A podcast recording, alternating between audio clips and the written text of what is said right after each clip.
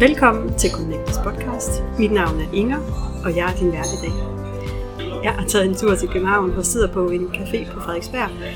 Og øh, det betyder, at vi har lidt baggrundsstøj, men øh, jeg håber, det giver lidt, lidt stemning også. Grunden til, at jeg er taget til København, det er, at jeg har øh, inviteret Kim Gertz til en snak om hans nyeste bøger. I virkeligheden kun den ene, vi skal snakke om i dag. Kim er filosof, forfatter og også musiker, og har skrevet Vildfarelsernes trilogi. Og det vi skal snakke om i dag, det er bind 1, som hedder Erkend dig selv, mand. Og Kim, mm. velkommen. Tak. Dejligt, du vil øh, dele din, din visdom om øh, mandens erkendelsesrejse. Jo. Kim, dit postulat i den her bog, det er, at manden er faret vild, at ja. han står ved en skillevej, måske den største nogensinde, og han har valgt mellem at gå til grunde eller rejse sig op og kæmpe og sejre. Og nu har du så skrevet en bog om ham og til ham, og i virkeligheden så er det jo en meget personlig bog, så måske er der også en bog om dig. Ja. Og det har du gjort ud fra et ønske om at styrke mandens selvindsigt, så han kan gøre det bare lidt bedre. Du vil også gerne lære ham at tage hånd om sit eget indre liv, få renset ud og vendt, hvad skal man sige, vendt tingene lidt rundt og få kigget på, hvor gik det galt. Og så vil du gerne inspirere til en bedre erkendelsesproces. Ja. Og noget, som jeg også synes er interessant, det er, at øh, du vil også gerne inspirere læseren, manden til at finde ind til, måske holde fast i de betydningsfulde opholdssteder, som du skriver. Og hvad det betyder, det øh, kommer vi ind på lidt senere. Så, Kim, nu har jeg godt nok sagt meget. Ja, men det, jo. jeg overlader ord til dig lige om lidt. Okay. Men det, som jeg godt kunne tænke mig at få dit bud på i dag, det er, hvem er han så, ham manden, som du skriver om? Mm. Hvordan kommer det til udtryk, at han er far vild? Og hvad vil det sige at have en god erkendelsespraksis? Hvad betyder det at finde ind til, betydnings, til de betydningsfulde opholdssteder? Det er nogle af de spørgsmål, jeg håber, vi kan få svar på i den her podcast. Ja. Men allerførst, Kim, mm. så vil jeg gerne også lade dig få ordet. Og øh, så vil jeg gerne øh, høre, hvad der fik dig til at tage på øh, den her rejse for styrket selvindsigt. Ja, altså rejsen i forhold til at begynde at skrive øh, Ja. Vildfartsens Ja, trilogi, lige præcis, altså ja. og startende med den der bog der. Ja. Ja, for jeg tænker mm. også, at der ligger også en personlig proces øh, Ja. forud eller sideløbende med den her bog. Og hvad Jo. satte den i gang? ja, det er jo altid svært lige at finde ud af præcis, hvad der var det skældsættende moment, ikke? Men, øhm, men jeg tænker, der er i hvert fald to temaer, som øh, ville være rimelige at antage, at det var noget med det. Dels øh, min alder. Jeg øh, er 51 nu, ikke?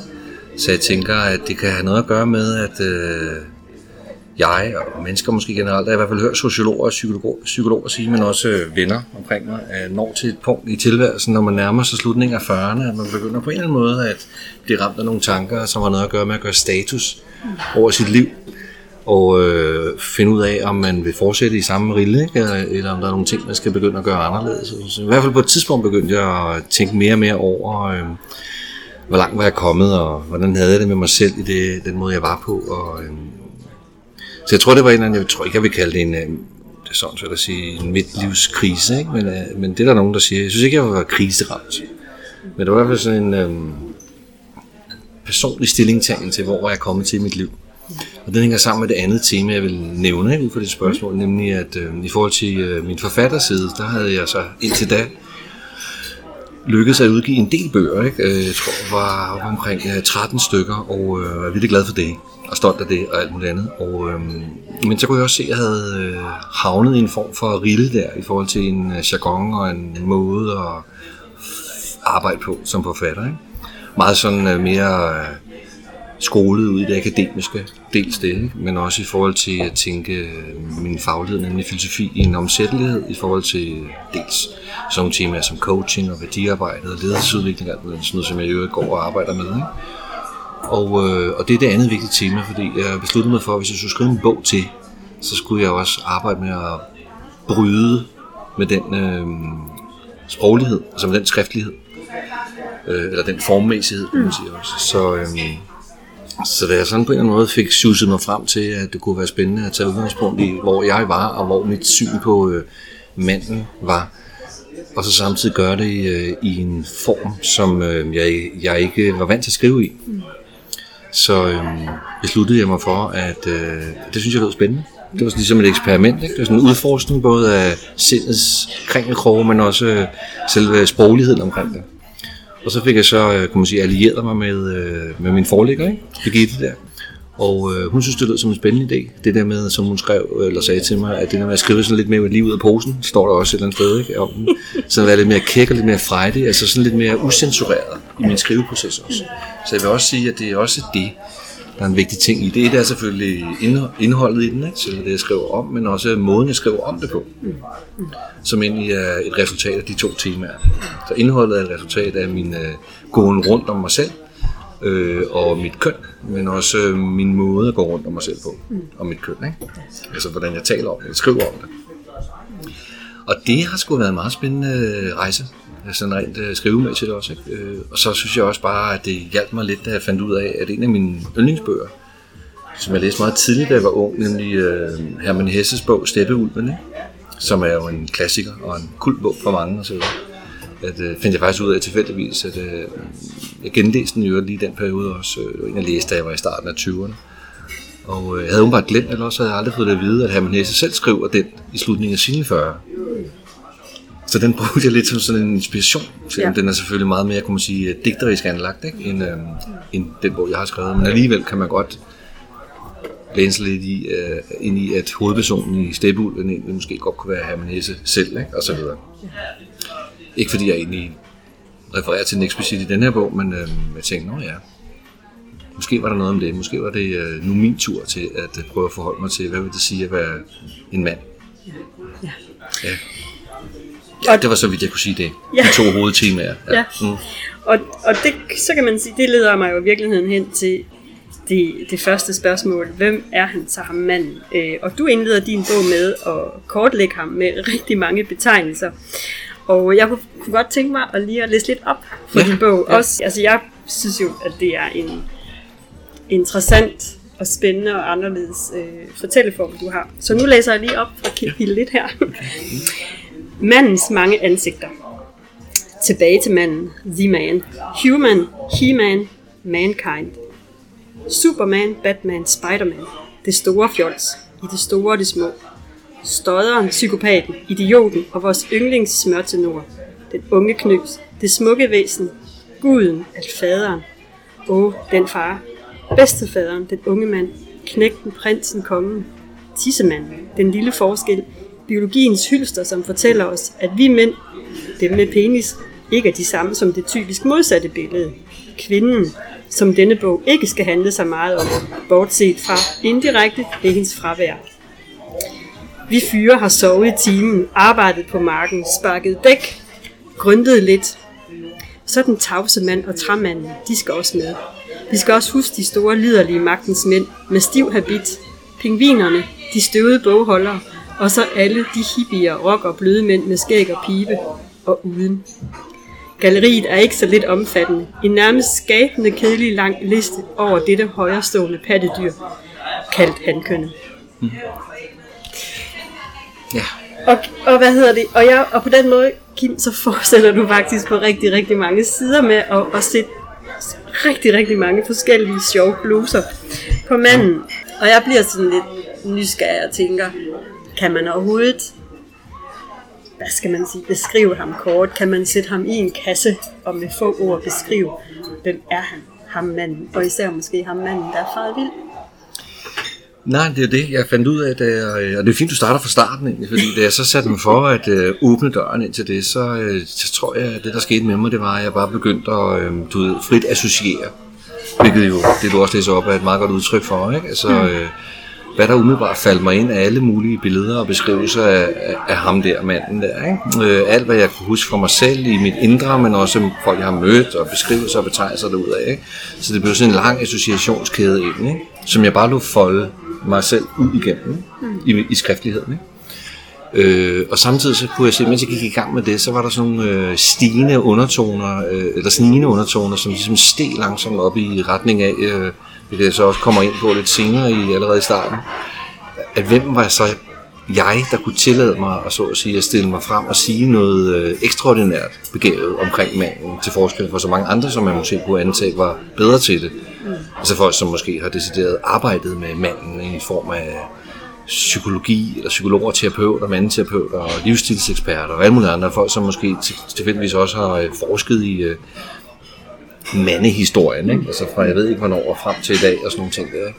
Alt det der, mens jeg sad og skrev det frem, så fandt jeg ud af, det ved jeg jo ikke. Altså, det har jeg jo slet ikke forstand på, det er slet ikke styr på. Ikke? Altså andet end at jeg sådan øh, bare umiddelbart øh, har af forestillinger. Ikke? Øh, så jeg besluttede mig egentlig for at bare fortsætte det spor. Altså ikke gå så at sige øh, i research mode, altså læse alt, hvad man kunne forestille sig, man kunne finde omkring manden. Ikke? Så det er ikke på den måde en... Øh, akademisk, kunne man sige, øh, velforankret, videnskabelig øh, grund, jeg skriver ud fra. Og det synes jeg egentlig var meget godt. Det besluttede jeg mig for igennem processen, at det ville jeg gøre ligesom et nummer ud af. Ikke? Altså prøve på en måde at finde en uh, balance mellem, at uh, det kunne lige så godt være mig som en anden, der kunne skrive den bog der. Altså på den måde var jeg ikke mere, så at sige, uh, vidensekspert end, end, end den almindelige mand, ikke, i øvrigt. Mm. Øhm, Øh, og det synes jeg egentlig var meget fint, så jeg, så jeg kan godt lide at bevare den der øh, placering som øh, havne en grad af ydmyghed, og så alligevel øh, tage bladet lidt fra munden. Så det var også noget med at begynde at komme med nogle øh, meningstilkendegivelser, ikke? Sådan mere eller mindre indirekte form, men samtidig blev det, som du også lagde op til, en form for øh, selvrensagelsesproces også, i forhold til, hvad synes jeg egentlig om de facetter af den mand, som jeg skriver frem, ikke? mere eller mindre umiddelbart og spontant. Og også når jeg både ser dem inde i mig selv, men også når jeg har mødt dem sådan rundt omkring på må at få i det daglige øh, leben. Eller høre om dem i tv eller radio. Så der var mange øh, figurer, så at sige, ikke? som jeg så forsøger ligesom at øh, sammenfatte hen ad vejen, i hvert fald i introduktionen. Ja. Samtidig med at jeg så også finder hvordan skal jeg gribe det an, hvordan skal jeg få det... Øh, kan man sige, disponeret alle de øh, typer eller figurer eller betegnelser for ham ikke, gennem tiderne. Og, og så synes jeg, det var sjovt at øh, beslutte mig for at se, om det var muligt at prøve at skrive en bog, som egentlig kunne øh, meget storladen formuleret ramme alle mænd på tværs af tider og kulturer. Ikke? Velvidende, at det ville være noget, som ingen ville synes var muligt. Og bare af den grund synes jeg, det var sjovt at prøve at gå efter den ligning der. Jeg kan skrive så almen som muligt. Ikke? Det er jo også et gammelt fagligt øh, projekt for filosofien, altså at skrive lidt mere i almen psykologisk eller almen menneskelige termer. Ikke? Mm. Så hvis du spørger mig om, hvad det er for en mand, jeg sådan skriver til eller om, så er det øh, nok ikke en bestemt mand, kan man sige, men øh, mere nogle aspekter ved øh, manden, specielt når det vedrører hans, øh, hvad jeg kalder det, idioti, ikke? Eller åndssvaghed, uforskammethed eller dårligdom osv. Hvor det blev en vigtig ting, jeg skulle have skrevet frem, ikke? Øh, temaer omkring det. Men som du også allerede sagde i starten, men også der, hvor jeg synes, man skal være stolt af at være mand. Ikke? Øh, men jeg besluttede mig også for, at det ikke skulle være en bog, der var øh, sådan øh, hierarkiserende. Selvom jeg sikkert har, det kan vi sikkert komme ind på lige om lidt, øh, har nogle forestillinger om, hvad der vil være øh, de bedre udgaver af ham, og hvad der vil være knap så gode. Øh, så egentlig vil jeg jo stadigvæk sige, at det er, det er en bog til alle mænd, som kunne være interesseret. Ja. Øh, ja. Fordi det er tænkt som et, øh, sådan et, øh, det er sådan et refleksionsapparat, ikke? altså teksten. Ikke? Det er sådan et, et stream of consciousness, kunne man sige. Sådan en bevidsthedsstrøm, en tankerejse, ikke? ud i det øh, rum, som jeg besluttede mig for, ikke? og lade blive farvet af forskellige aspekter ved det maskuline køn, kunne man sige, eller hvad man traditionelt kalder for mandekønnet. Ikke? Mm på godt og ud, ja. Øhm, og så i den bevægelse, så finder jeg også ud af hen ad vejen, at jeg øhm, også åbenbart ser en sport i at prøve ikke at lade mig selv blive tilfangetaget af forskellige kan man sige, psykologiske betegnelser af, af ham eller af mig og også. Ikke? Altså, kan, man, komme, kan, man, kan man også arbejde med en indirekte frisættelsesprojekt i forhold til at øhm, øh, beslaglægge nogle særlige netop typer eller figurer omkring ham. Ikke? Ja. Altså jeg lader mærke til, at, mm. at du et sted i bogen, og, og det kan selvfølgelig være, at det er mig, der, der tolker og konkluderer noget, men at hvor du egentlig siger sådan om manden, at, øh, at han slår ihjel, ja, også noget i sig mm. selv, ja.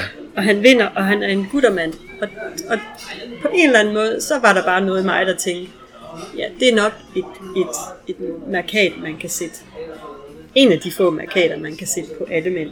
At, hvad tænker du om? Jo, men det synes jeg bare var en almindelig øh, tør konstatering. Altså, det kan man jo se. Der er mange soldater, for eksempel, der er mænd. Ikke? Øh, så det er jo sådan meget tydeligt. Der er jo ingen grund til at skulle prøve at lave nogle øh, hvad kan man sige, målinger på det. Det kan man jo bare kigge ud blandt øh, kan man sige, krigshistorien. Ikke? Altså, den har typisk været mandsdomineret, uden at jeg er ekspert i det, men det vil være overraskende at sige noget andet, tænker jeg. Ikke? Og selvom kvinder jo gør sig gældende mere end i, i det felt, øh, som tiden skrider frem. Ikke? Øh, Øhm, men så var der lå der også ligesom den spidsfindige kommentar i det, at, øh, at det kunne også være sådan forstået som, at man slår hinanden øh, psykologisk set ihjel. At det ikke kun er den fysiske øh, krig, men også, øh, at der måske er noget i, øh, i manden, som også bliver slået ihjel i forholdet mellem hinanden, altså mellem os øh, mænd imellem. Ikke?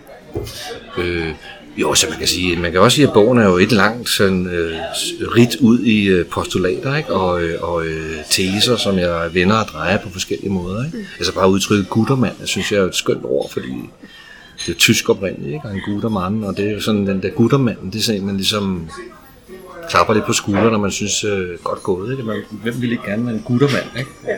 Så synes jeg også, der er også noget i mig, der synes også, det er skønt at lege lidt med ordene. Ikke? Det skal mm. ikke være nogen hemmelighed også. Så, øhm, nu, nu hvor du siger, ja. at, det, at det her med, at, at, at mændene slår ihjel og, og slår noget sig selv ihjel og slår hinanden ihjel, det ja. kommer til at tænke tilbage, og nu er det bare sådan lige en anekdote, jeg har lyst til at bringe på banen, ja. at jeg på et tidspunkt læste en bog, øh, og nu kan jeg simpelthen ikke huske ned, men af Michelle Sternberg, ja. øh, som har var, egentlig bare inviteret ned for at øh, beskrive og lave en biografi af Kalle Montagør, som øh, blandt andet har uddannet, om man så må sige, Lars Muhl. Og, øh, og, no.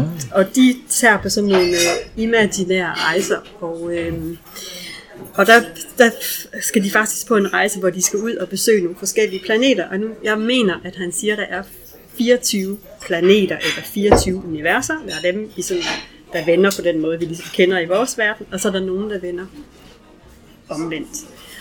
Og, øh, og at kvinderne havde adgang på mændenes verden, fordi de faktisk skal ned og sørge for, at mænd ikke slår hinanden ihjel. Så kan man jo, øh, så kan man jo, jo øh, så tro på, at det er en sand historie, men, men, men, men det budskab, der var der, det var, at, at hvis vi kvinder ikke kommer til jorden eller det univers, så udrydder de sig selv. Og det er jo virkelig oh, dybt mm. problematisk. Ja. ja. Nå, vildt, ja. ja. Og det tør jeg jo ikke rigtig rode mig ud i. Altså med vilje havde jeg forsøgt at afskære mig fra kvinden som sådan. Ja. Ikke fordi jeg har øh, hverken har noget mod kvinden, eller øhm, ikke vil tale om hende, men jeg tænkte, jo mere jeg holdt fast i den tese, som du allerede, allerede på side 1, det, det du læste op, ikke?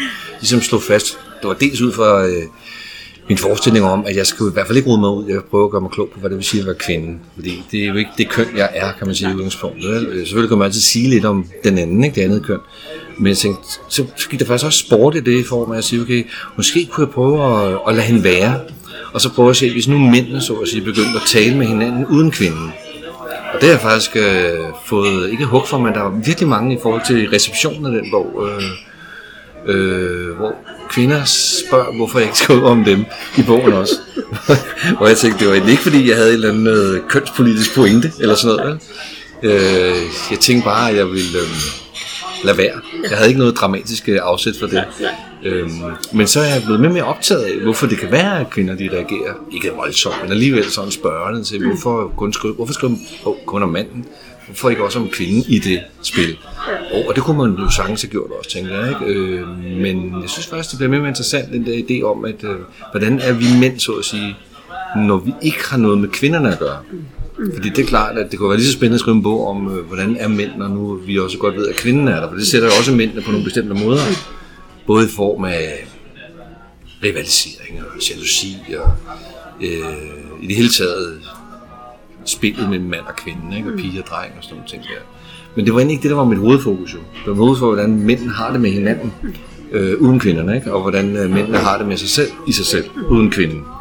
Uden sin bedre halvdel, eller hvad man ellers siger. Ikke? Ja. Det synes jeg så derfor tør jeg heller ikke rode mig ud i det der, for jeg tør ikke øh, sige noget om det. kan da godt være, det er rigtigt, at uh, hvis I ikke var her, så havde vi allerede slået hinanden ihjel for hver siden. Altså, jeg håber ikke, at vi er så krigerisk anlagt i udgangspunktet. Nej, øh, nej. Det kan også godt være, at vi slås, fordi kvinderne er der, ikke? Må man så godt antage, ikke? Vi slås om jer på en ja, måde. Det ja. kan jo, er der jo historier om. Det kan man jo godt uh, forestille sig, ikke? Det er der i hvert fald mange uh, også rent, kan man sige, øh, artsmæssigt, ikke? Hvis, hvis man også forestiller sig, at der på en eller anden måde er noget, øh, og det er der jo biologisk i os også som mænd, så øh, ved man da i hvert fald også, at, øh, at øh, handlerne, så at sige, vi er i et område, ikke ved så meget om, men det har da bare set, at øh, handlerne i dyreriget også slås om hinanden for at vinde kvindens eller hundens gunst. Ikke? Så tænker jeg, at det kunne vel også være tilfældet her. Ja. så jeg tænkte, at øh, det var måske også en af grunden til, at jeg ville øh, lige fjerne blikket fra forholdet med mænd og kvinder, og i det hele taget kvinder, fordi at, øh, hvordan ville vi måtte være os mænd, hvis det var, der ikke var nogen kvinder? Og hvordan er vi der? Og der har jeg jo så nogle forskellige forsøg på nogle beskrivelser. Ikke? Altså i de rum der, hvor man ligesom øh, er sammen med gutterne imellem. Ikke? Og sådan, ikke? Øhm, Jeg synes jo virkelig Ja. ja. også, at det, er, det medvirker til at gøre bogen interessant, at den er, altså, det er en mandebog. For mænd, af mænd, om mænd. Altså, Ja. øh, og det jeg synes sådan set, at øh, jeg holder egentlig mere af, at, at, at vi både kigger på mænd og kvinder, fordi vi er mænd og kvinder på jorden. Men, men, men indimellem, så synes jeg egentlig også, det er meget rart. Og fordi jeg synes faktisk, det er et særtilfælde, at det er, at, at der er nogen, der siger, okay, nu beskæftiger vi os kun med mænd. Jeg synes egentlig ofte, at det er kvinder, ja. i, i det her felt. Det kan jo være, ja, det er også, øh, det er også mit indtryk. At, øh, og der er også skrevet en del bøger om kvinder, og med god grund og alt muligt andet, også øh, som følge af, at kvinden på den måde har haft en relativt spag stemme inden for vores historiske horisont, i hvert fald i Vesten, ikke? så vidt jeg forstår. I hvert fald inden for mit fag med filosofien, og, Ja. og sikkert også i andre sammenhænge. Øh, så øh, jeg synes, det er rigtig fint, at øh, kvinderne jo øh, får flere og flere stemmer, eller mere mere at sige, og har skrevet også bøger om sig selv og alt muligt andet. Det var den ene grund, og så tænkte jeg, at øh, det kunne også være øre til hans holdeplads. Ikke? Altså, jeg skal ikke råde mod i, at... Øh, jeg skrev også et sted det der med, at man kan godt komme galt af sted, som begynder at gøre sig klog på, hvad kvinderne er for en størrelse som mand. ja, ja. Og det var ikke mit projekt. Det må andre mænd stå, til, øh, stå, stå model for, hvis de vil det. Ikke?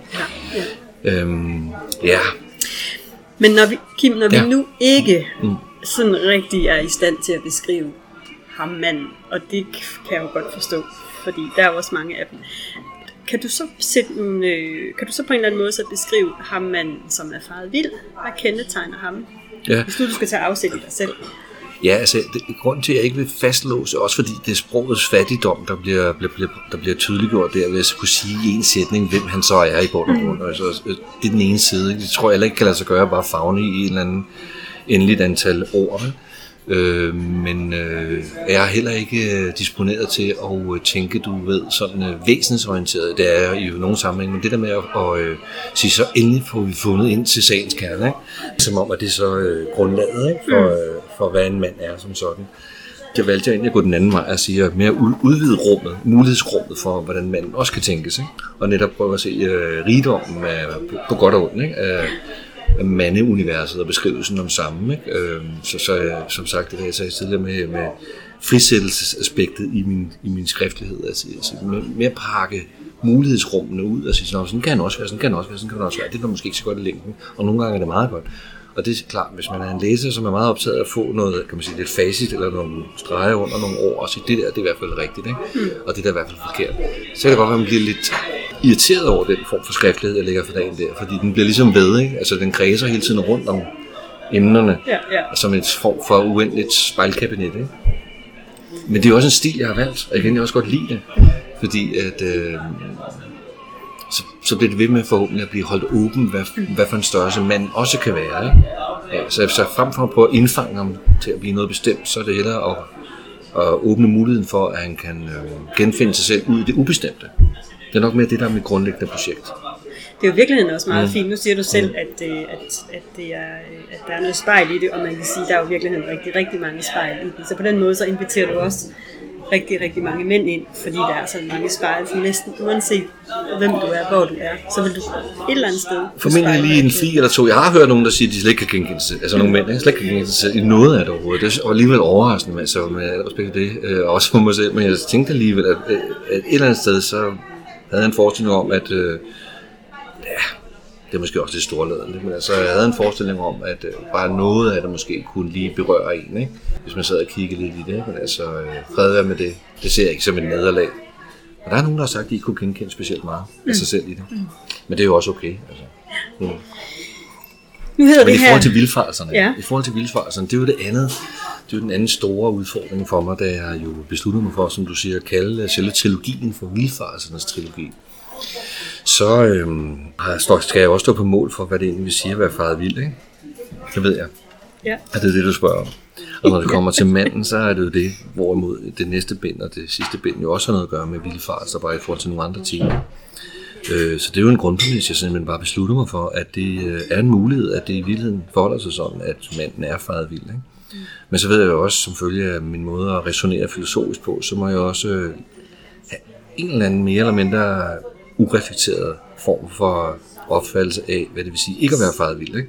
For ellers så kan jeg jo ikke tillade mig at sige, at vi er faret vild. Vel? Ja. Øhm, men jeg tænker også, at for mig er det også et stilistisk greb. Fordi hvis jeg oplevede, at, men, at vi ikke var faret vild, så var der heller ikke nogen grund til at skrive for mig jo. Så det er også en, en, en præmis, jeg bliver ved med at, at dyrke.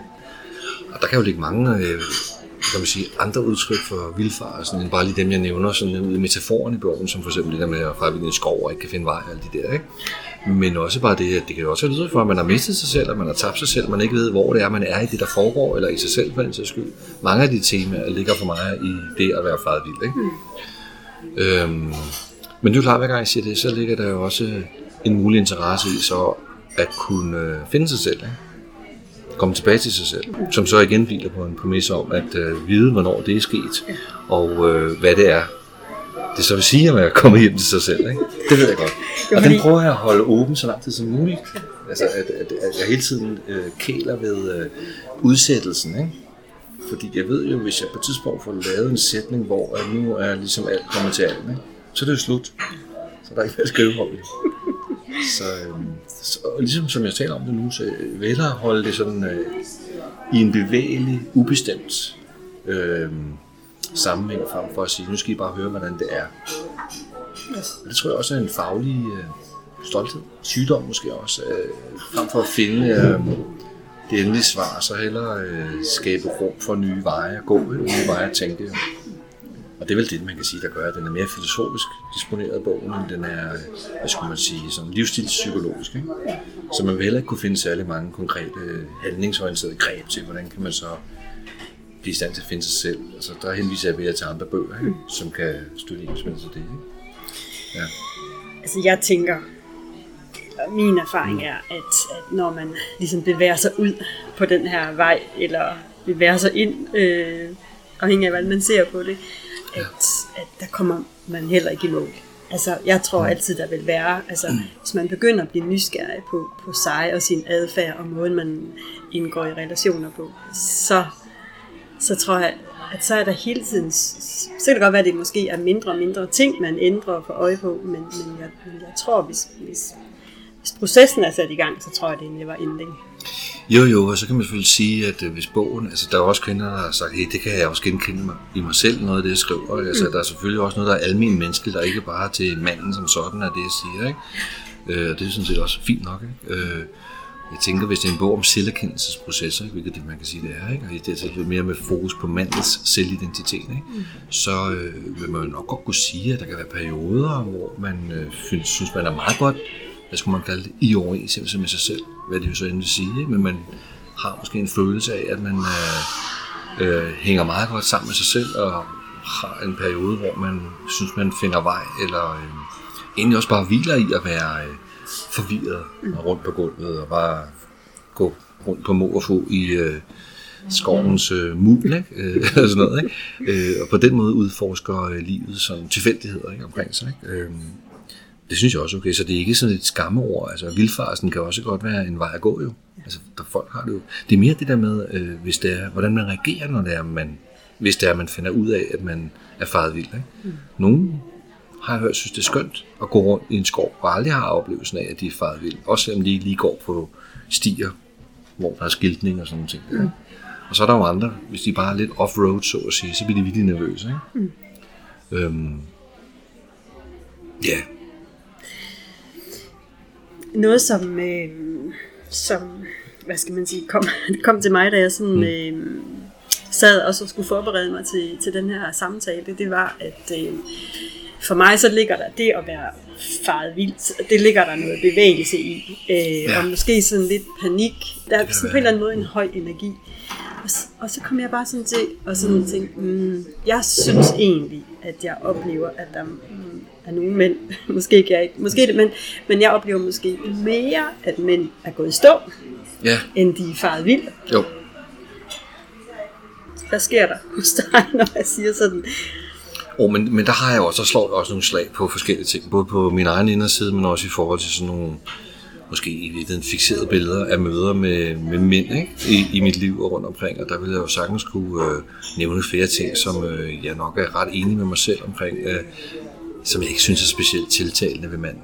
Så jeg tror ikke, jeg kan, jeg har det ikke så godt med mænd, som er alt for, øh, hvad kan man sige, dominerende forstået på den måde, er alt for øh, rigide og øh, overfusende andre. Altså, jeg tror ikke, jeg kan lide diktatoren. Altså, det kan jeg ikke. Jeg kan- heller ikke lide fascisten. Om det så er en politisk størrelse, eller om det er bare en, en psykologisk komponent i det enkelte menneske. Ikke? Øh, det kan jeg ikke lide. Øh, det synes jeg er idiotisk, fordi jeg synes, det er alt for enstrenget. Det er alt for... Øh, jeg tror, jeg er til øh, mange facetterede ikke, oplevelser mere. Altså, jo mere øh, rummelighed og, og mulighed og øh, åbenhed og imødekommenhed, desto bedre, det tror jeg vil sige. Ikke? Så hver gang jeg har øh, haft at gøre med sådan nogle aspekter i mig selv, hvor jeg øh, er af forskellige grunde, det kan være, at jeg er bange, eller øhm, øh, øh, vred over noget, øh, så, videre, så bliver jeg måske meget enstrenget. Ikke? Øh, men det der med at blive fastlåst omkring det kun, det tror jeg i længden er noget skidt. Øh, det tror jeg også gør en syg, øh, men jeg tror også, det gør en til i sidste ende en, en, en, en dårlig udgave af manden. Jeg tror, manden, det er det, jeg mener, når jeg siger, at manden kan gøre det bedre. Altså, jeg, synes, jeg, synes, jeg synes, der har været en tendens til, at manden, for i hvert fald for mig at se, fremstår øh, på mange måder alt for, øh, alt for enstreng. Altså. Sådan ligesom om, at der, de fornemt og hurtigt se, hvad det er for en øh, tillært adfærd, de øh, beslutter sig for at leve deres liv på baggrund af. Også i forhold til, hvad de taler om måske. Også i forhold til, hvad, hvordan de agerer over for hinanden, over for øh, kvinden, for det skyld også. Ikke? Og det er den blødgørelse, tror jeg. Blødgørelse, der interesserer mig.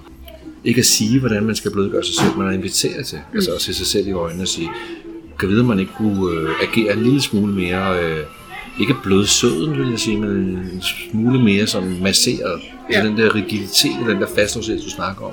Det er måske i for mig et, et udtryk for en vildfarelse. Og, og det du taler om her, det har jeg sådan en fornemmelse af, at det er de her opholdssteder, som, øh, som du kommer omkring, øh, og som jeg Ja. tænker, vi lige skal prøve, og Ja. det kommer vi tilbage til. Ja. det synes Mm. jeg egentlig er, øh, er også super spændende.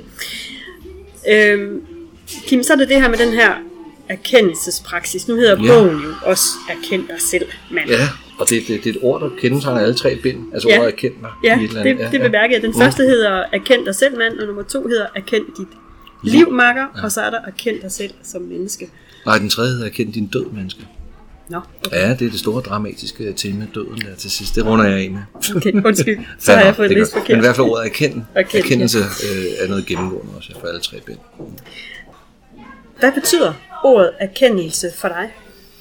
Og det er jo et stort ord inden for den fagfilosofiske diskurs, det er det jo. Det er Ja. jo ligesom hele omdrejningspunktet. øhm, Kan vi alligevel prøve at sådan man kan sige, grunden til, eller måden hvorpå, at den, øh, de titler blev til på, var egentlig fordi, at du ved, måske er det inden for øh, i hvert fald den græske variant af filosofien, der øh, har det længe stået i en eller anden form for øh, slogan nærmest fra øh, oraklet Delphi, hvor man sagde Gnode Sauron. Gnode Sauton. Og det er oversat til øh, kend dig selv. Ikke? Og det var ligesom sådan et diktum, der sådan, mm. øh, så besøgte man det orakel der. Ikke? Øh, Og tænker, at det er der jo mange traditioner, der har sådan nogle orakler, hvor man kommer hen til sådan en guru eller et eller andet, ikke? og der fortæller lidt om det. Og så, hey. og så tænker jeg, hvorfor fanden hedder det, kend dig selv, hvorfor ikke erkend dig selv? ikke? Det synes jeg var stærkere. Og det var nok det, der gjorde, at øh, jeg begyndte at tænke på erkendelse. Men som, som, som filosofisk begreb er det jo et, øh, det er jo en hel disciplin. Jo. Der er jo skrevet tusindvis af bøger, nærmest mm. tusindvis af sider omkring erkendelsesbegrebet. Men det er jo forbundet med indsigt. Ikke? Forbundet med indsigt, det er forbundet med, øhm, det ligger jo i ordet filosofi. Ikke? Altså, øh, Sofia er jo en form for øh, visdom og en erkendelse eller en indsigt, ikke? som man på en eller anden måde har et forhold til, øh, nemlig gennem det, som, de, som hedder filia, ikke? altså mm. filos, filosofi. Og øh, for mig er en hovedpoint i, i den måde, jeg forstår erkendelse her på, i de tre bind, det er øh, at acceptere det, man indser. Øh, fordi et er, at man kan indse noget omkring sig selv, men det er ikke altid, at man forsoner sig med det, man indser. Jeg tænker, at øh, den ligning, jeg så har, det er, øh, indsigt plus accept, det er lige erkendelse. Så det er noget at gøre med at gøre sig til ven med det, man indser. Altså ser noget i sig selv, så skal man ligesom også acceptere, at det er sådan, man ser. Ikke? Ja. For sig selv i hvert fald. Så det er en erkendelse, synes jeg. Men øh, jeg har også bemærket, at du bruger den her ligning, og, øh, og, Ja. og jeg kunne mærke, at jeg havde, øh, jeg havde faktisk sådan brug for at skrive den ned og sidde og reflektere over den. Fordi det jeg sådan umiddelbart kom i kontakt med, det var, at på en eller anden måde, så synes jeg, og det kan være, at det er fordi, jeg misbruger ordene, eller jeg bruger den på anden måde end dig, mm-hmm. at, at indsigt, accept og erkendelse, det er i min optik, tror jeg, lidt uinteressant, uinteressant hvis ikke det medfører en ændret adfærd. En ændret adfærd. adfærd. Mm-hmm. Fordi jeg, og det er altså baseret på min egen erfaring, det er, at, at jeg på min udviklingsrejse har fået en masse indsigter, og jeg har også accepteret mange ting og kendt det. Altså, øh, jeg synes bare, at hvis jeg så ikke ligesom så gør noget andet, end jeg plejer, hvad, hvad skal jeg så bruge det til? Ja. Og når jeg siger, at jeg gør noget andet, så er det jo ud fra et ønske om at gøre det bedre. Ja. Er det fordi, jeg misforstår ordene, eller bruger dem på en anden måde? Fordi jeg, jeg ved, du skriver også i din, i din bog nogle steder om det her med, at, at der skal også ske noget handling. Mm. Ja. Det er jo ikke alene nok, at vi sætter os- noget i os selv, nej. Nej. Nej. Jeg synes altid, det er svært. Pragmatikken synes jeg altid har været svært. Altså pra- pragma forstået som handlinger, ikke? og gerningernes interesse. Ikke? Altså det handlingsorienterede aspekt ikke? I, øh, i det menneskelige liv. Ikke? Fordi at, øh, jeg synes, det er svært at definere, hvad en handling er.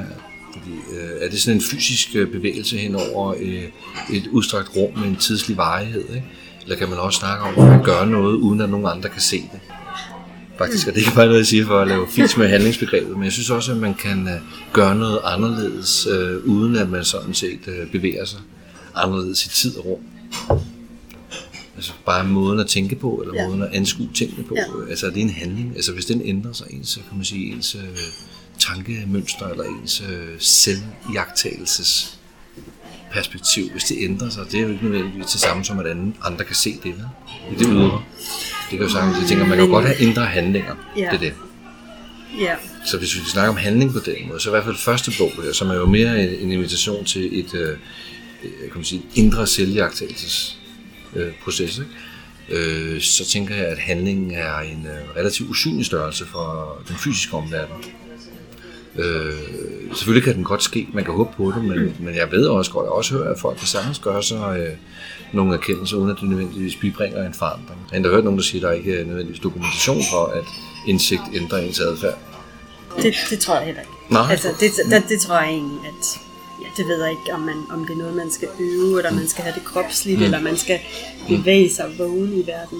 Men hvis ens selvforhold begynder at ændre sig, det synes jeg kunne være meget spændende. Altså det vil jeg da håbe. Så når I, i hvert fald i bind 1 snakker om en, en opøvelse eller en styrkelse af ens erkendelsespraksis, så vil jeg snarere sige, at det er ens øh, samvær med sig selv, som jeg dyrker det. Ikke? Altså, jeg synes også, at jeg bruger forskellige billeder og øh, beskrivelser i form af det der med laden, at gå ind i laden som en metafor for, øh, at manden så at sige kan øh, give sig selv noget mere tid med sig selv. Øh, og, øh, og den, øh, kan man sige, det rum med sig selv, ikke? den øh, tavse refleksion og sådan noget. Ikke? Det er ikke det samme som, at når man så kommer ud af laden, så begynder man at hoppe og springe på en anden måde, end man har gjort tidligere. Det kan godt være, at man kommer fuldstændig ud, og i, og i det ydre virker man fuldstændig som den samme, men øh, man har måske en anden måde at opleve og erfare sit liv på, og sig selv på i dag. Ja, det synes jeg, det kan jeg sagtens forlige mig med, at hvis en erkendelse på den måde øh, bibringer en, øh, et andet selvforhold, øh, så kan man jo stadig godt gå og bortage sine egne sine rutiner alligevel. Ja. Følge ungerne i børnehaven og i skole og gå på arbejde osv. Men ens selvforhold har ændret sig. Det kan godt være, der kommer lidt mere dybde, og man er på en lidt anden måde. Men man gør måske bare stort set de samme ting stadigvæk. Så mere bombastisk er det ikke. I hvert fald ikke bind 1. Nej, nej. Så det er ikke en invitation til sådan en direkte lige ligning imellem, at øh, en, en indre, ændret selvanskuelse også fører til en eller anden øh, konkret ændret adfærd mm. i forhold til sin øh, partner eller andre relationer i øvrigt. Ikke? Øh, det går jeg ikke så meget op i den bog der.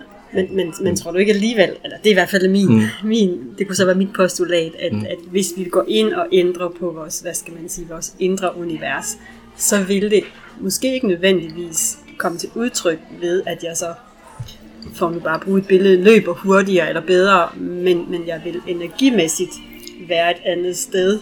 Jo. Og det kan man ikke se, men, men på den måde, så vil jeg måske være i mine relationer på en anden måde, som kan være svært at, at sætte finger på, hvad det er. Man kan bare ja. mærke, det er anderledes. Ja, det tror jeg godt. Det, det kan jeg også godt tillade mig at indtage. Mm. Oh. Mm. Det vil jeg godt. Det, det, vil, det vil jeg, jo. Jo, det postulat vil du godt købe. Ja, det tror jeg. Men Kim, altså det her med at have ja. en god erkendelsespraksis, ja. handler det så om at turde være stille med sig?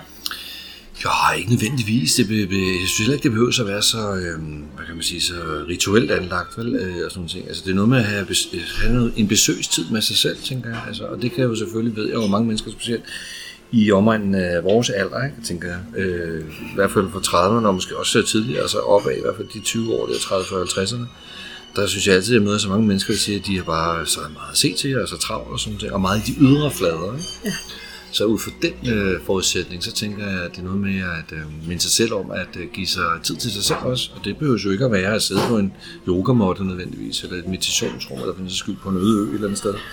Det kan også bare være at have nogle, øh, noget tid med sig selv nede i urtehaven, eller øh, ude i garagen, eller... Øh, øh, men i hvert fald øh, gør det, altså at sætte noget tid af til sig selv. Om ja. det så er med en bog, eller med en lille dagbog for en så skyld, eller altså give sig selv noget mere opmærksomhed. Det tror jeg, det er det, jeg mener med en erkendelsespraksis. Til at begynde med det i hvert fald. Ikke? Øh, øh, ja, fordi jeg har sgu mødt mennesker, så, og mænd specielt, også når de har læst, så har sagt, øh, og det tror jeg også, jeg, jeg kæler omkring i nogle passager i den bog, den der med, at øh, der var nogen, der ikke engang ved, hvad det vil sige at vende blikket indad, altså. Jeg troede, det var en vidighed først, da de sagde det, ikke? Så tænkte gud, så, så, så, synes jeg jo, at så er det, så er det, det er jo skidt fat, hvis man ikke har en fornemmelse af, øh, øh, hvor det er, man er i sig mm. selv. Altså man aldrig ser ind i sig selv, hvor jeg nogle gange har siddet og talt med nogen. Så det der med at fornemme sig selv i sig selv, hvad, hvad oplever I, når det sker, så ved de ikke, hvad det er, jeg refererer til. Mm. Det synes jeg faktisk er lidt mystisk, og egentlig også lidt øh, ubehageligt.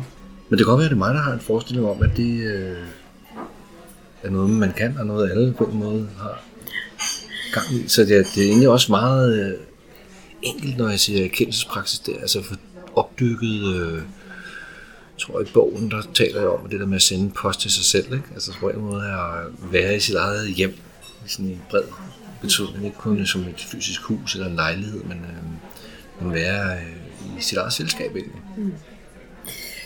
Og nu, hvad ja. hedder det, øh, jeg synes, altså jeg synes, jeg har sådan en fornemmelse, og også læst det nogle gange, at, øh, at mænd, når de når de der måske midt 40-50, mm. øh, og mange, det er jo ikke kun mænd, det er også kvinder, så bliver de skilt, og så skal de lige pludselig ud, og skal de ud og Nå, ja. maraton og cykle, de, og mm. at, at det også, altså fordi man kan sige, og, og for eksempel at løbe en maraton, 42 km, så har man altså meget tid med sig selv, hvor man kan kigge det er rigtigt, ja. blikket indad. Ja.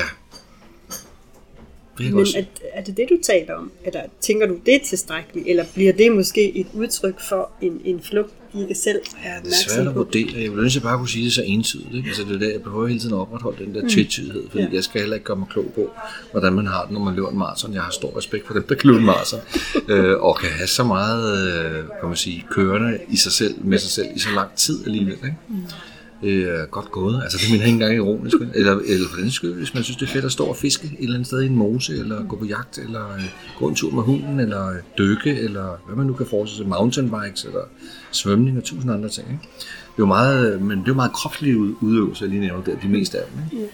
Og det tænker jeg, det skal jeg heller ikke sige er forkert. Altså det, den ydmyghed vil jeg jo gerne bevare. Ikke? Øh, og jeg tror også, der hvor vi er i bogen her, det tror jeg, der kan være nærmere i retning af nogle af de... Øh, bud på, at man også kunne øh, se sig selv i øjnene, hvad angår at øh, ændre en eventuel mønstring. Ikke? Altså hvis man finder ud af, okay, det er en god form, man har fundet der, for eksempel at løbe maraton og træne det op, eller spille badminton, eller hvad man nu har af sportsorienterede hobbyer. Ikke? Ja. Man kunne måske også godt prøve en gang, men sige, okay, nu prøver jeg bare ikke at gøre noget. Det er derfor, jeg har lidt et hår i siden på handlingsorienteringen. Ikke? Fordi jeg synes, at specielt mænd på en eller anden måde er meget optaget af, at der skal gøres noget, eller handles, eller skal rumsteres, der skal bevæges på en måde fysisk. Ikke? Øhm, Jeg tænker, det er det gang med mig. Og derfor er jeg jo meget, det er også derfor, jeg blev, meget optaget af meditationen, også i bogen som tema. Det der med en gang med mig, så at sige, nu vil jeg prøve at se, hvad der sker, hvis jeg slet ikke foretager mig noget. Ja. Øh, og bare på den måde se, hvad er det for en form for øh, rum, det så åbner for. Enten af utålmodighed, eller ivrighed, eller hvad der må opstå af følelser, ikke? Altså, det er forskellige. Øh,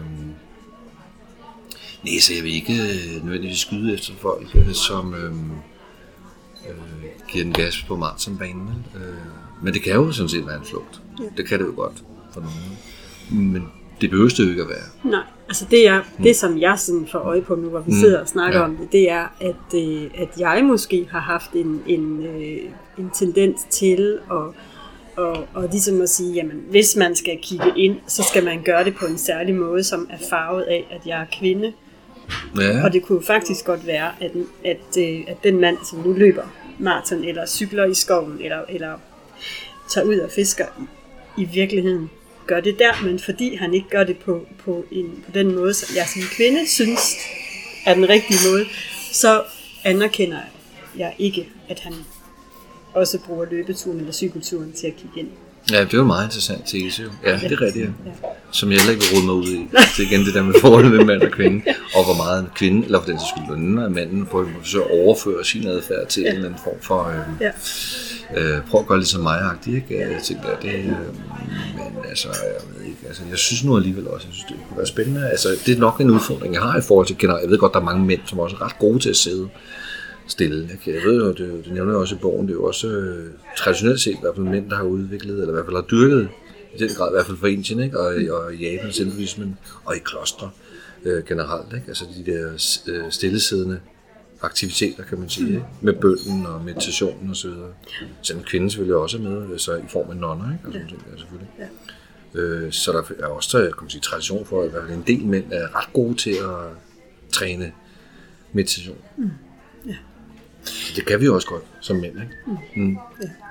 Jeg havde også, mm. det bare sådan lige for måske at runde af, altså jeg havde en, mm. øh, en snak på, øh, på vej herover med, øh, med en mand, som, øh, som, som ligesom, vi kom sådan til at snakke om det her med at deltage i personlige udviklingskurser, hvor jeg sådan siger, ja. jamen når jeg er med, så er der ikke ret mange mænd, hvor han så siger, men måske er det fordi, at, at den måde, det bliver solgt på, ikke matcher mændene, og den måde, som de har lyst til at arbejde med det med sig ja. selv på. Mm. Øh, og det er sådan egentlig bare for at vende tilbage, at det kan, det kan jo godt være, det, det skal jeg heller ikke gøre mig til dommer overfor, men det kan jo godt være, at det store udbud, der er derude om personlig udvikling, på en eller anden måde primært tager afsæt i kvindelige værdier, kvindelig formidling, kvindelig alt muligt, og derfor ser vi ikke mændene på de her workshop i særlig høj grad, men de, men, men de er jo derude, de gør det måske bare på en anden måde. Ja, altså det er svært at vide, mm. altså fordi at, øh, det er sådan lidt en underlig flertydigt rum, vi kommer ind i der, fordi at øh, alternativet bliver nervøs for at kunne være sådan noget med, øh, at så er det de der råbekurser, ikke? Det er sådan meget de der, og man skal virkelig være, altså, og så bliver det igen, føler jeg i hvert fald, en enstrenget opfattelse af, hvad manden har brug for, ikke? når han skal arbejde med sig selv. Så skal det altid være enormt ekspressivt eller sådan noget, ja. ikke? Ja. Og med sved og muskulatur og sådan noget. Og det er måske også, altså det skal der heller ikke være noget galt i, at det er en del af det at være en mand, men også at være en kvinde. Også. Der er rimelig mange kvinder, der også er ude på, øh, på muskulaturen for tiden, ikke? Ja. Øhm, og træning og alt muligt andet, fitness og jeg ved ikke hvad, ikke? Der er der virkelig mange kvinder også der, i, i de rum der, ikke? Ja. Men så er min netop mit bud, kan det at manden ikke også kunne, altså, hvis man kan det som mand, og mange mænd kan det, så kunne man måske også bare prøve at se, hvordan er det så, hvis man ikke træner det så meget. Altså i virkeligheden ligger jeg bare op til at variere ens adfærd, ikke, når det kommer til stykket. Mm. Øh, og det gælder selvfølgelig også de typer af mænd, som øh, man aldrig rigtig ser løfte sig fra sofaen. Ikke? Det kunne være meget fedt at se dem en gang, men mm. de slå et slag for mm. deres øh, kropslighed. Ikke? Mm. Så øh, ja, det er jo igen spejlkabinettet, ikke? jeg taler om det, fordi det hele tiden med at sige, okay, hvis nu har vendt dig til at være sådan der, ikke? hvordan kan det være, at du aldrig nogensinde sætter dig på en cykel, altså for eksempel, ikke? Prøv en gang det, eller prøv en gang, hvis du altid sidder på en cykel igennem Hareskoven, hvorfor sætter du dig ikke engang med bare på en, på en taburet engang, og så bare kigger lige indad, ikke? eller sådan ja. Øhm, ja, så det er den der med, at risikoen for, at øh, vi mænd gror fast på den samme måde at, at være os selv på, ikke? som jeg hele tiden prøver at udfordre. Ja. Det er det. Og, og øhm, jeg tænker, det er faktisk en meget fin måde at øhm, gå videre til, til det sidste spørgsmål, som måske også er et lidt stort spørgsmål. Det mm. er, øhm, fordi nu, jeg synes egentlig, det vi lidt taler om nu, mm. det er i hvert fald også en måde at kigge på de her opholdssteder. Og du har ja. et, øh, som du kalder det, du har et afsnit, der handler om seksualitet og spiritualitet. Jeg tænker, og, det måtte komme, ikke? Det, måtte, det skal det jo. Også. Ja, ja, det er klart. Mm, det, det kommer det. også øh, hen mod slutningen af bogen. Ja.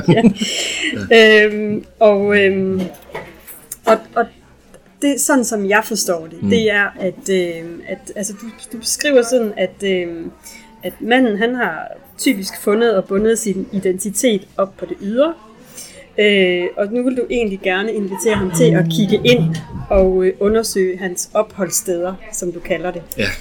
Og, øh, og, og sådan som jeg forstår det, så, så, så inviterer du ham, eller så beskriver du det sådan meget horisontalt og siger, jamen altså, og vertikalt, mener du, ikke? Og, jo, altså, jo, jo, undskyld. Ja. ja. Mm. Øhm, og at han sådan kan bevæge sig fra top til to, øhm, men at han først og fremmest øhm, måske har været, for nu bruge dine ord, i sit pik eller sit hoved. Ja. Og du vil egentlig gerne have, at han, at han kigger ind og får øje på, at man kunne også være i muskulaturen, i maven, i solar plexus, i halsen ja. og i hjertet. Ja for mig så kommer vi sådan til at lidt snakke om chakra, og ja, det er ikke sådan vældig, øh, det er ikke sådan velbevandret i. Mm. Øh, men, men det du inviterer ham til, det er at udfolde sin ryggrad, ja. hvor han opholder sig, det har vi sådan lige sagt, hvor han typisk op, opholder sig, ja. hovedet eller pikken. Mm-hmm. Øh, men, men inviterer ham til, at, hvor kan jeg ellers være, og hvor vil jeg faktisk gerne være. Vil du prøve sætte nogle flere ord på? Jo, jeg tænker, altså, det kan jeg godt, ikke? Og jeg, jeg er også relativt øh, ydmyg i, øh, i de kapitler der, fordi jeg tænker, mm. jeg siger noget, jeg har en forsvar at jeg sidder og skriver det, kan jeg huske, at det, øh, det er ikke lige mig, der har opfundet den der måde at tænke omkring tingene på. Ikke? Øh, så det refererer jeg også lidt til. Ikke? Nu nævner du selv chakra-lærerne og alt muligt andet. Jeg tænker ikke, at der er noget særligt mystisk i det heller ikke. Det er noget, jeg skriver det på skriver om det på. Jeg tænker, at hvis nu det er, at man har en forestilling om, at man er på vej indad, ikke? Mm. Øh, og man ikke rigtig ved, hvor det, det inde er, ikke? så tænker jeg, så kan man altid starte med at prøve at lokalisere forskellige arenaer eller zoner, opholdssteder kalder jeg det. Ikke?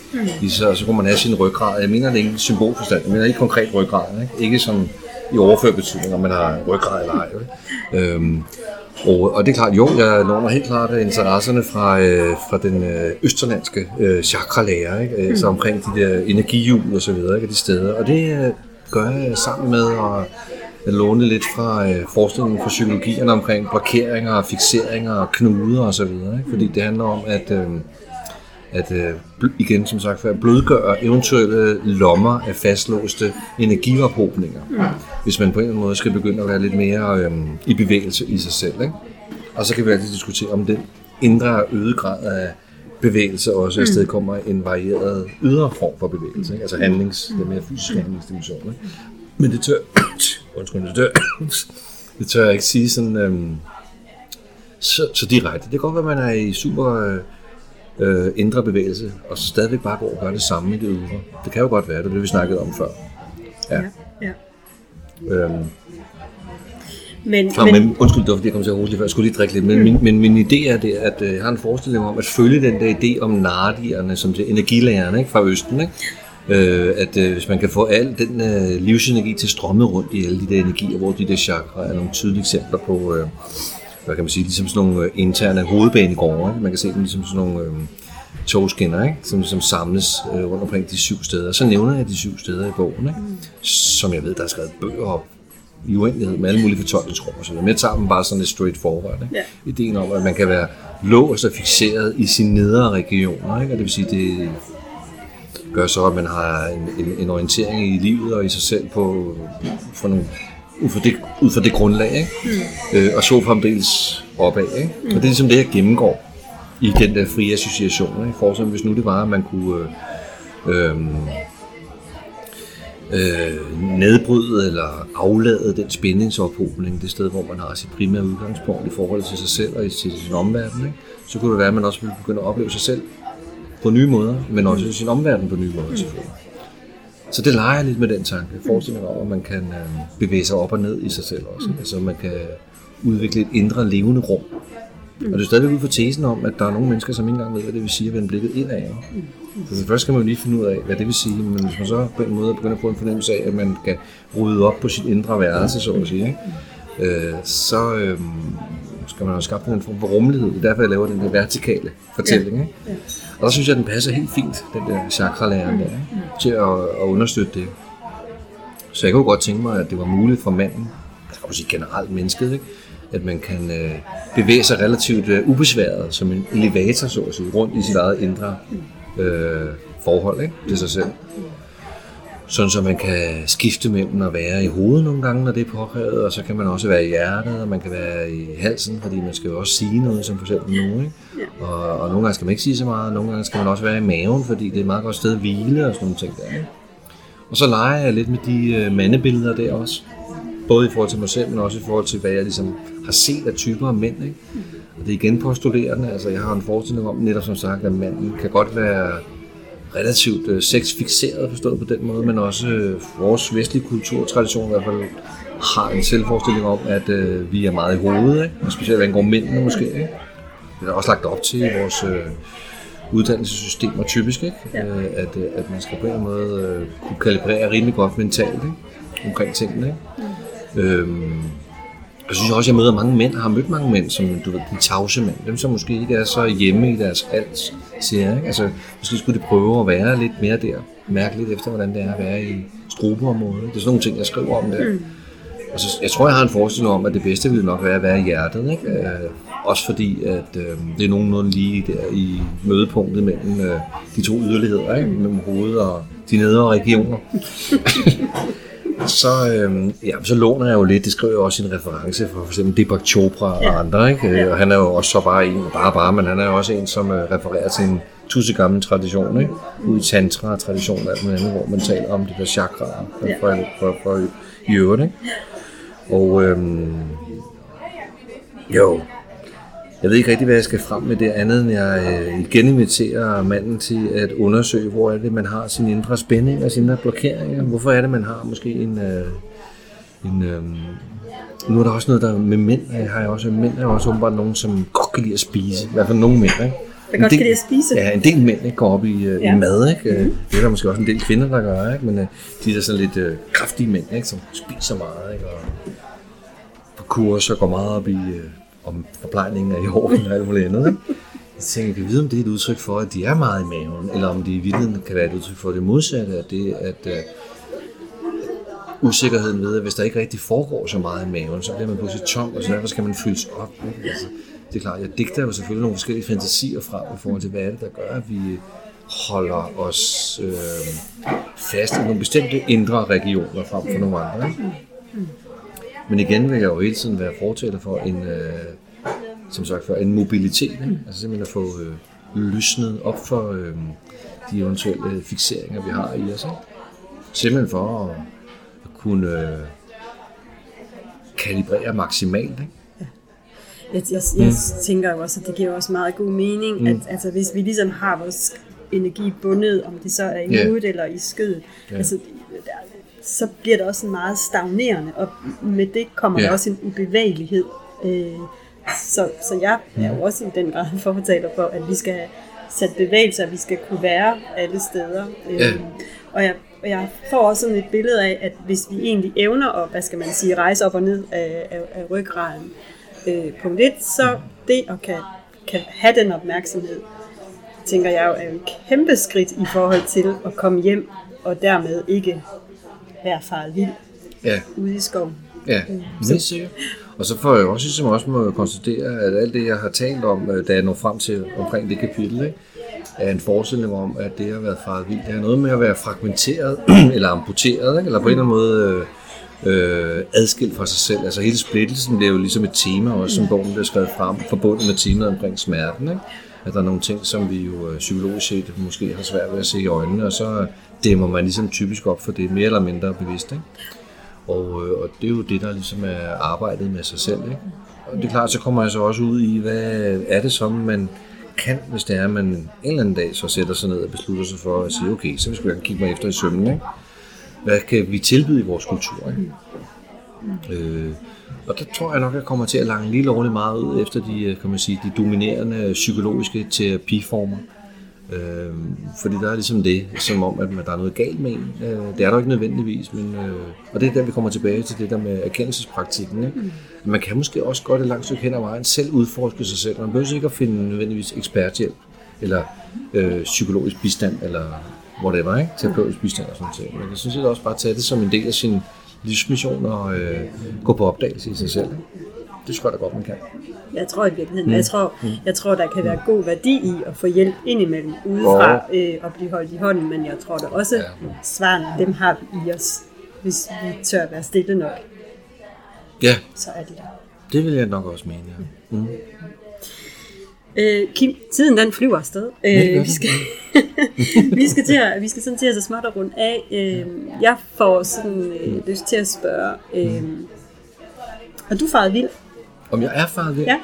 Altså, jeg har en oplevelse af, at jeg har været virkelig faret vild, altså. Ja. Øh, og jeg har en oplevelse af, at jeg øh, er på rette vej. Mm. Øh, og jeg er kommet på rette vej, altså, øh, og at øh, det, jeg troede var den rette vej, ikke var den rigtige vej i lang tid. Ikke? Ja. Og, og jeg havde også en forestilling om, at, øh, at jeg havde meget godt styr på det. Øh, og at det på en måde havde jeg også en forestilling om i, mit, i min selvhøjtidlighed i en længere periode, ikke? at jeg øh, på en måde øh, gik udenom det der at jeg på en eller anden måde var særligt privilegeret i min udgangspunkt. Ikke? Ja. Øh, og det synes jeg var en voldsom tur, og øh, begyndte at se i øjnene, at øh, jeg havde været lige så stor en idiot, som så mange andre måske har været. Øhm, ja. altså man kan sige, at jeg er ved, øh, mere fortrøstningsfuld, end jeg var tidligere ja. i mit liv. Ja, helt klart. Helt klart. Så, så hvordan er det så at være i livet i dag, hvor du måske er, om ikke andet så faret mindre vild, eller mm. kommet mere hjem? Hvilken forandring mærker du? Altså, jeg... Øh, og faktisk noget, jeg folder ud i bind 2 mm. omkring livet, ikke? erkendelsen af livet, og så er jeg jo ved at skrive de sidste ord på øh, erkendelsen af døden. Ikke? Altså, øh, jeg synes, jeg er blevet langt mere rolig. Altså, jeg hviler ikke mere i mig selv, men hviler i det, der er mere. Fordi der er ligesom ikke, det er som om, at øh, hvis vi skal fuldende den der metafor omkring at fra ude i en skov, så er det sådan en oplevelse af, at øh, der er ikke nogen udvej. Altså, der er ikke sådan en vej ud af skoven, øh, fordi at, øh, der, er, der er kun skov, ikke? så man kan lige så godt bare øh, være der, hvor man er. Og det lyder egentlig rimelig banalt. Ikke? Mm. Men frem for at bevæge sig fra, at det er et tænkt, så at sige, øh, forestilling ikke? om, øh, at sådan er det, til en, så at sige, en levet dagligdagserfaring. Der er alligevel et skridt, tænker jeg. Ikke? En bevægelse fra, øh, måske har været fixeret i hovedet til at få det længere ind i hele organismen. Ikke? Altså den der hvile sig i, at der er ikke noget på den anden side. Der er kun lige nu og her, og sådan har det altid været. Mm. Det er en ret øh, underlig oplevelse. Mm. Som om det hele er sådan en stor kugle. Mm. Øh, og altid har været sådan. Jeg kan egentlig godt lide, at du siger, at du har ikke fundet, hvad sagde du, fundet fred i dig, fundet ro i dig, du har fundet ro hvile, med, ja, ja. hvile med det, der er. Det synes jeg ja. i virkeligheden også, altså, det må jo være det ultimative, for det der er, det er jo det, der er. Altså, og det er jo i det øjeblik, vi begynder at vil, at det skal være noget andet, at, ja. at der bliver indre uro, tænker jeg. Ja. Mm. Så man kan sige, at panikken, den er, den er stillet af. Ja. Fantastisk. siger, det er dejligt. Ja, jo, jo. jo. Så hvis vi sådan skal afrunde, mm. øh, og, og, og sende en, en invitation ud til lytterne, som, ja. øh, som har lyst til at også opleve den forandring, som, øh, som du har fået med dig. Hvad vil dit råd så være? Nu ved jeg godt, at du i bogen prøver at folde det ud, men hvis vi nu alligevel skal prøve at så gør det modsatte at sige, jamen skulle jeg pege på en enkelt ting til dig, der lytter med, hvad vil det så være? Altså pege på en enkelt ting? Altså med noget konkret ting? Ja, altså øhm, jeg, ja. jeg tænker, det er jo blandt andet at, at turde kigge ind. Ja. Mm. Nå, øh, altså, i den, øh, altså, det var fordi du sagde en ting, så tror jeg, du mener sådan en helt konkret Nå, ting. Ja, altså sådan en ja, fysisk genstand. Ja, ja, nej. Ja, fordi man kan sige, at den breder det jo meget emne ud. Eller tema, eller sådan noget. Et emne eller tema. Ja. øh, lige da du sagde det, så slog det mig, at jeg synes, at øh, det er super vigtigt, at man ser livet som en, en chance. Som altså, en chance. Altså se det som en virkelig stor chance for at få... Øh, øh, Ja, så se det som en virkelig stor chance til at få øh, indsigt i øh, de mest fantastiske ting. Eller det god at være enåret, eller med snævert syn eller noget. Ikke? Altså, der, er, der er utrolig store muligheder for at se, hvordan alting hænger sammen. det vil jeg slå alle døre op. Slå alle døre op. Der er ikke noget at miste, altså. Nej. Tværtimod. Der er kun noget at miste, hvis man ikke gør det. Ja. Fantastisk. Kim, Er det for meget? nej, jeg synes, det er fantastisk, og man kan sige, på mange måder, så gør du det samme, som du gør i bogen. Lad os nu åbne, Ja. åbne dørene, åbne sindet. Jeg tænker også, lad os mm. kigge ud, øh, fordi Jo. der er jo virkeligheden Ja, meget det er der. Fantastisk. Kim, det var, øh, altså, det var en fornøjelse at snakke med dig. Jeg synes, det er en, øh, en, jeg, jeg, en super, super spændende bog. Jeg synes, da jeg læste den første gang, der var jeg også lidt træt. Ja. Øhm, der synes jeg, den, den var svær, men da jeg tog fat i den igen, så, øh, så, så synes jeg virkelig, det er en, øh, en rigtig, rigtig spændende bog med, med, for mig som kvinde, men en, med, med en fornyet indsigt mm. i, hvordan er det at være mand. Så tusind tak for det. Velkommen, det glæder mig at høre. Mm. Og tak fordi du vil være med her. Øhm, og så vil jeg øh, også sige øh, tak til jer, som lyttede med. Og indtil vi høres ved igen, må I have det rigtig rart. Hej så længe.